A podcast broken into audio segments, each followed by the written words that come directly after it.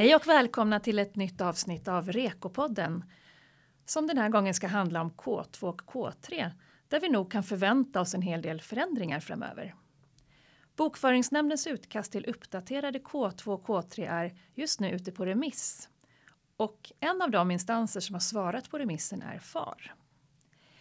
Med mig har jag Eva Törning som är redovisningsspecialist på Grant Thornton och en av Sveriges främsta experter inom redovisning. Varmt välkommen till Rekopodden Eva, igen får jag väl säga.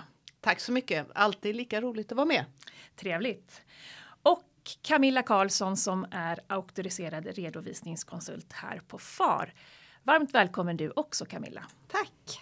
Och jag som leder podden heter Pernilla Halling och är kommunikationschef här på FAR.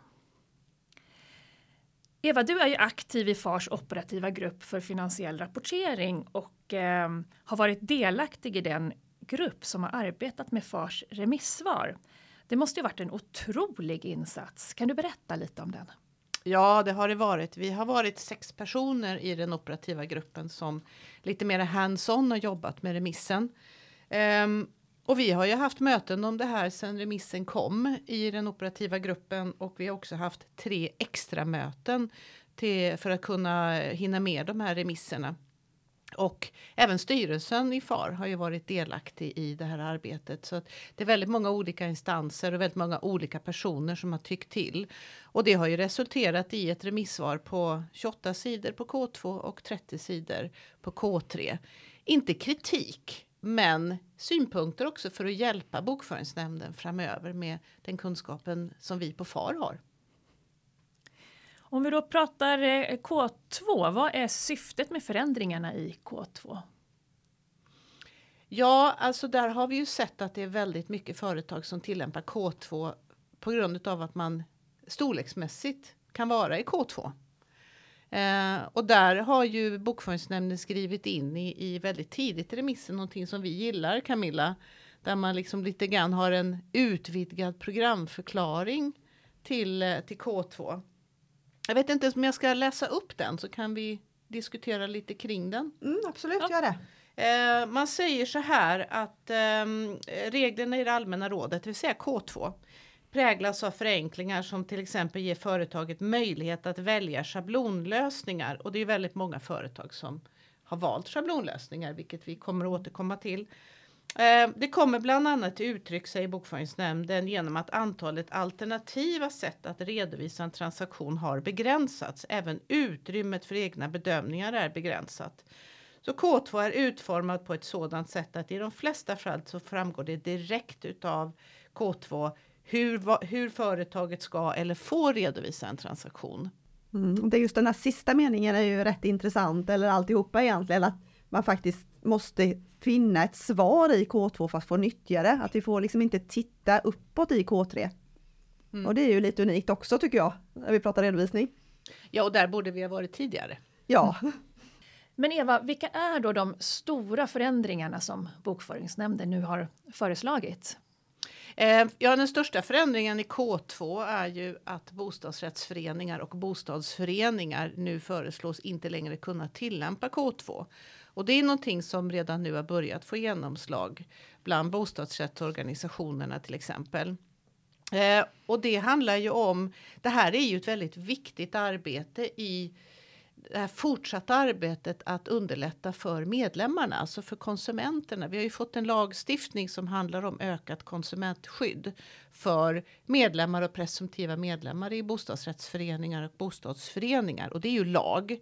Eh, och här så går ju bokföringsnämnden vidare på den eh, på det sättet att se på redovisningen att det ska vara lätt för medlemmarna att förstå. Det är någonting som vi på FAR håller med om. Styrelsen har tyckt att det var jättebra också. Eh, och en redovisning enligt K3 där du då delar upp i komponenter där man visar att det slitaget vi har i resultaträkningen i form av avskrivningar. Det är det du sliter, det är det du har slitit själv under året. Det är inte liksom att försöka täcka någon framtida utbyte. Och det är väldigt mycket lättare att förklara det för medlemmarna i en förening. Säger jag av egen erfarenhet eftersom min egen förening har precis har gått över till K3. Så det är en, en väldigt viktig förändring som vi ser och väldigt många. Det finns ju 30 000 bostadsrättsföreningar och jag tror att de flesta av dem ligger i K2. Men Eva, jag tänker, ska vi förtydliga lite där nu också, för det är ju remissvaret som säger att vi inte får vara i K2. Men det kommer ju också lite nya krav enligt årsredovisningslagen förra året som man faktiskt ska tillämpa nu vid det här årsskiftet då, det vill säga 1231, att det ska finnas kassaflödesanalys, det ska finnas ett antal upplysningar också. Eh, hur hanterar vi det nu i K2 då? Det vet vi ju inte riktigt. Eh, Bokföringsnämnden ska ju, måste ju komma ut med de här bestämmelserna i år eftersom de, de gäller 2023. Eh, hoppas ju att, eh, och jag ska säga att eh, FAR har ju lämnat ett remissvar även kring de här reglerna. Eh, där vi håller med. Men där föreslår ju vi, eftersom eh, Bokföringsnämnden har väldigt dåligt med tid, så föreslår ju vi att man bara inför det som faktiskt är lagkrav i år. Mm. Och väntar med det som inte är lagkrav. Så vi vet faktiskt inte hur de, hur de kommer att lösa det här. De har ju föreslagit det som en del av K3. Men det är ju inte än, så att vi får se hur de löser det. Men det är ju väldigt viktiga upplysningar. Det handlar ju om nyckeltal som eh, olika typer av, av nyckeltal som gör att jag ska kunna jämföra olika föreningar och då måste ju alla föreningar tillämpa samma regelverk. Mm. Och där får vi lite hjälp enligt det förslaget som ligger nu hur vi ja. räknar ut arian och vad ett sparande är till exempel. Mm. Mm. Så det blir spännande att se var vi landar. Ja, men en av de absolut viktigaste upplysningarna tycker jag, det är ju det här att man ska upplysa om, och det är ju lagkrav, eh, hur man ska säkerställa framtida underhåll om man går med förlust. Mm. För då tar man ju inte in tillräckligt mycket månadsavgifter för att täcka sina kostnader. Och det blir jätteviktigt för en medlem att förstå. Att, eh, hur, vem är det som ska betala underhållet? Är det, är det jag, är det föreningen eller är det banken? Mm. Och är det banken så är det jag i alla fall, för då blir det ökade räntor. Och det här är ju ett ökat intresse med tanke på var vi är geopolitiskt just nu. Mm. Eller geoekonomiskt och, och med, med, höga räntor och, och sådär. Och, och, fastighetspriser och bostadsrättspriser som går ner. Mm. Så att det finns ju, jag tror att det finns en ökad medvetenhet hos människorna där ute och det här hjälper till. Mm. Så ett medskick här är väl håll utkik från Bokföringsnämnden och i FARs kanaler helt enkelt för vi kommer ju skriva om det här när det har beslutats. Ja, och du som redovisningskonsult måste vara redo att eh, komma igång snabbt med att konvertera över dina bostadsrättsföreningar till K3. Mm. Men Eva, bo, eh, Bokföringsnämnden har ju föreslagit, även föreslagit att andra grupper, inte då bara bostadsrättsföreningar, som eh, idag kan tillämpa K2 i framtiden ska in i K3. Eh, stämmer den bilden? Ja, det finns ju en kategori företag till då som direkt går över i K3 enligt det här förslaget och det är de som har utländska filialer. Av den enkla anledningen att, att K2 innehåller inga bestämmelser om det. Eh, sen utöver det så handlar det ju om lite grann som vi pratade om tidigare där K2 inte innehåller bestämmelser där vi kan hitta vägledning i K2.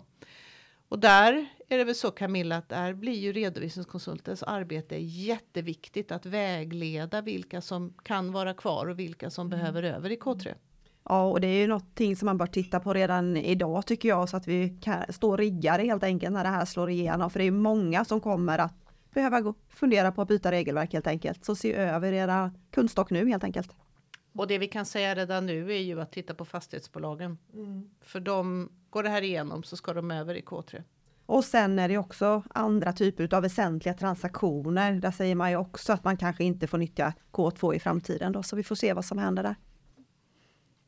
Ja, och där kan man väl säga att det här, det här håller FAR med om.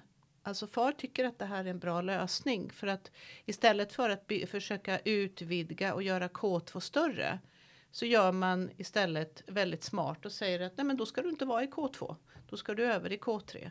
Så att det, här är, det här är jätteviktigt. När man väl är i K3, K3 så vet man ju hur man ska redovisa. Men det handlar om det. Men sen ska vi väl också säga att de här företagen som är så små att de faller under reglerna för revisionsplikt. De behöver inte göra den här bedömningen. Utan där kan man liksom vara kvar i K2 utan att behöva göra den här bedömningen som vi nu har pratat om.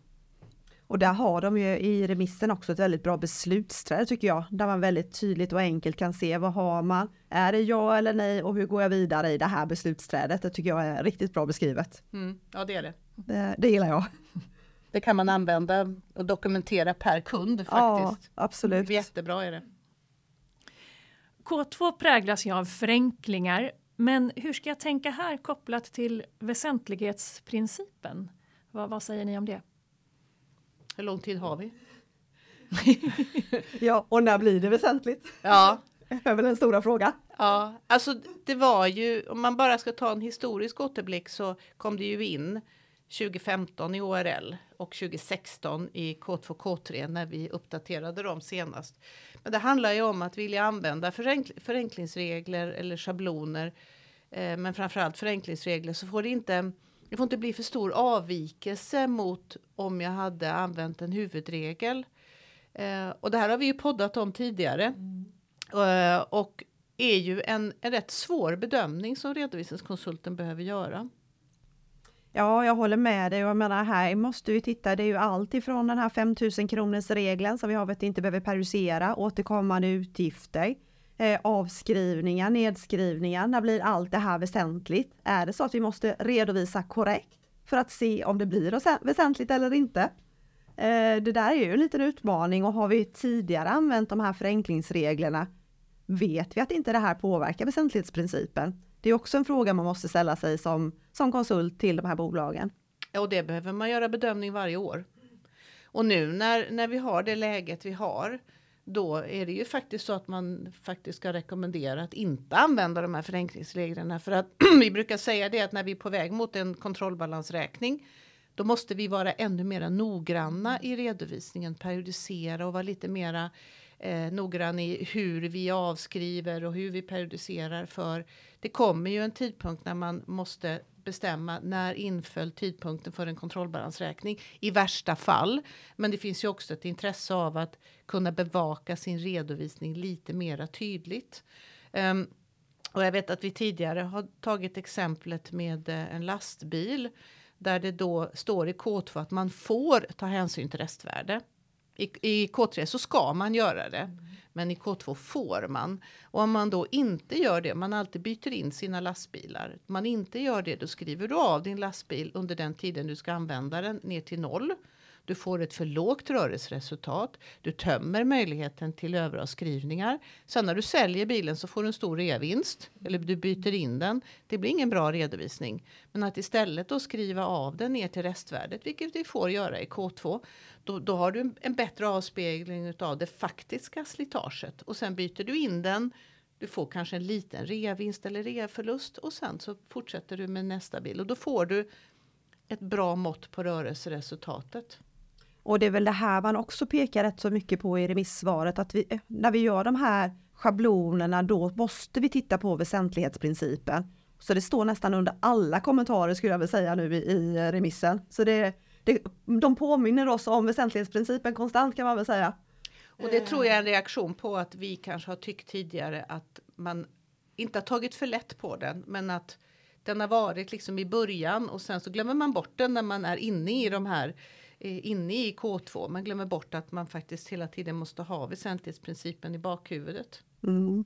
Och jag tänker också med de här med förenklingsreglerna. Det står ju faktiskt också att vi får. Det står mm. ju inte ska. Eh, och i remissförslaget så står det här också att använder vi förenklingsreglerna, ja då kanske vi ska upplysa om det under redovisningsprinciperna också. Så att eh, här får vi faktiskt tänka till där också. Vilka förenklingsregler har jag använt? Så att eh, det blir lite mer eh, tankar kring de här bitarna. Och att man har dokumenterat också mm. vilka förenklingsregler man använder. Mm. Dokumentation är ju väldigt viktigt. Um, Camilla, skulle du kunna säga någonting om hur man som konsult ska tänka när det gäller just dokumentation? Ja, här måste vi dokumentera de ställningstaganden och det resonemanget som vi har haft med kunden. Hur vill kunden att vi ska göra? För det är faktiskt kunden som ska fatta beslut. Vi kan vägleda dem, ge dem tips, men sen är det ju ändå kunden som styr över sin redovisning och ansvarar för den. Så att eh, just de här dokumentation är viktigt, det säger jag alltid, jag kommer alltid säga. Och de här förändringarna som, nu, som vi nu kan eh, vänta oss kommer, eh, hur bör man som konsult tänka? Ska man börja förbereda sig redan nu tycker du? Absolut. Eh, titta över er kunskap, hur ser det ut nu? Det kanske redan är så att inför årsskiftet att man ska gå över till frivillig K3. Eh, när man vet att det här faktiskt kanske inte kommer tillämpas framåtriktat. Så att eh, det är verkligen mitt tips. Titta över kundstocken och fundera. Lyfta över några bolag redan nu. Mm. Och när ska det här börja tillämpas? Vet vi det, Eva? Nej, det vet vi faktiskt inte. Um, vi vet ju för att uh, man har inte publicerat de uppdaterade K2 K3 än. Um, jag skulle tänka mig att uh, som vi sa tidigare bostadsrätts eh, föreningarnas nyckeltal och sånt, de måste ju ut i år. Så det troligtvis så prioriterar ju bokföringsnämnden det eftersom det är ett måste, det är lag. Um, ja, vad ska man gissa? Till våren kanske, mm. men sen tillämpning, ja, kanske 2025 eller något. Och det är väl det som har stått hos bokföringsnämnden, ja. bokföringsnämnden men jag vet inte, kommer de klara det tror vi? Nej, det handlar ju om hur mycket vi klarar av, hur de bedömer alltså vårt och företagens arbete. Ehm, jag kan ju tycka att det är bra att det blir lite tidigare, för nu har vi ju precis pratat om väsentlighetsprincipen. Den är ju ett lagkrav, mm. så vi måste ju förstå väsentlighetsprincipen och hur den jobbar med K2. Och alla de här kommentarerna som, som bokföringsnämnden har gjort, som du pratade om Camilla, det är ju ett sätt för dem att liksom sätta på saftblandaren för oss, så att vi liksom hela tiden tänker på, ja just det, väsentlighetsprincipen måste jag ha med mig. Så det, det handlar ju om att bokföringsnämnden hjälper oss att hela tiden tänka på väsentlighetsprincipen. Mm. Och det, det ska vi göra redan idag. Ja, men nu hjälper de oss ännu mer. Ja. Så att jag kan tycka att, ja, börja nu. Så man får alltså börja nu även om det inte ja, ja. har börjat gälla? Alltså K2 är ju frivilligt och, och, och, K3 är frivilligt för de här mindre företagen. Men börja nu för att det är bättre att ha en plan för när man börjar med fastighetsbolagen, de vet ju att de ska över. Eller vet och vet, vi kan med stor sannolikhet tänka oss att de kommer över. Men börja där, men som Camilla säger, börja med att lista dina kunder och kartlägga, okej, okay, vilka är det som vi ser ska över? Bostadsrättsföreningarna till exempel. Vilka tror jag kommer över fastighetsbolagen? Vad har jag för andra saker som gör att de, att de eh, troligtvis behöver över? Ja, de har gjort stora uppskrivningar av fastigheterna eller av någon annan tillgång. Ja, över. Mm. För där pratar man ju också om de här väsentliga skillnader, temporära skillnader, uppskjuta mm. skatter. Jag menar, då hör man ju inte heller hemma i K2, det har vi ju sagt tidigare också, men det finns ju trots allt vissa bolag som ligger kvar där också. Ja. Och sen vill jag lägga till en sak till som inte står i remissen. Om du har ett lite mera spritt ägande, lägg i K3. För det är lättare för, för, för ägare att förstå. Om du hela tiden, man vet att det är en nyttjandeperiod och det är bedömningar och det blir lite mer information i årsredovisningen. Man behöver inte vara noterad, men det kan ju vara att du har en släkt som har ett företag eller lite större familj. Det, sånt där. det står inte någonstans, men jag kan tycka att det är en hygienfaktor faktiskt. Det var faktiskt som en sa till mig igår att när man har gjort en, en K3-årsredovisning då känns det mer som att man har levererat en produkt till kunden. Det är lättare att ta betalt, man har faktiskt gjort någonting mer än en K2-årsredovisning. Mm. Så att, eh, ja. Man har tänkt efter lite mer. Mm. I K2-remissen så hänvisas det tydligare till väsentlighetsprincipen. Innebär detta att konsulten då, att vi i branschen måste bli tuffare mot kunderna när det gäller förenklingsregler och att få fler företag att ska tillämpa K3? Ja, det tycker jag. Ja, och det, vi har ju, det är därför vi pratar så mycket om väsentlighetsprincipen. Eh, och jag vet inte om vi kanske inte har varit tillräckligt tuffa tidigare. Nej, jag tror inte det heller. Eh, för jag tycker ändå när jag pratar med medlemmar att det är ju många som nyttjar K2. Det är enkelt, det är smidigt. Eh, det hänger ihop med skatterätten. Eh, det finns många fördelar och det gör det fortfarande för små bolag som inte har komplex verksamhet. Så det är absolut ingen nackdel att använda K2 på dem, tycker inte jag. Jag antar att du håller med mig? Ja, men sen vill jag också, vi ska ju inte, jag vill avdramatisera K3 lite också. För att ligger man i och tillämpar huvudreglerna i K2, då blir det ju inte så säkert någon förändring när du går över till K3 för att väldigt mycket i K2 har ju sin grund i årsredovisningslagen precis som K3. Så att eh, det är K3, det är K2 som är det höga berget. Men K3 är inte ett högt berg för att det behöver inte vara så stor förändring. Ja, du har en förändring. Du ska beskriva dina värderingsprinciper. Ja, det ska du göra. Eh, jag kan säga att det är väldigt många eh, för, företag som tillämpar K2 som inte har fattat alla notupplysningar som ska med när man är i K2. Eh, och där är det ungefär samma notupplysningar i K3 om man är ett mindre företag. Och det bästa av allt är att man kan söka på, på FAR online och då hittar man alla de här samlade notupplysningarna och där har man sin lilla checklista. Så att eh, använd FAR online. Kan det vara under redovisa rätt? Kan vara under redovisa rätt. Så alltså inte så dramatiskt att gå över till K3 och vara lite tuffare till mot kunderna. Är det en bra slutkläm här? Ja. Plus att nu får vi ju en chans med lite nystart här inom redovisning. Nu blir det liksom tänka lite nytt, läsa på lite grann, gå på lite kurser, diskutera med kompisarna runt fikabordet. Liksom, ah, vad har du sett nu? Har du sett när du har tittat på dina kunder? Sådär. Alltså det är häftigt med förändring. Vi gillar förändring i redovisning för då får vi tänka lite nytt. Konsultvänligt. Ja, det är det. Det låter jättebra och de orden får avsluta den här podden. Stort tack Eva för att du kom hit och delade med dig av din erfarenhet från det här arbetet med remissen och alla dina, dina djupa kunskaper inom det här området.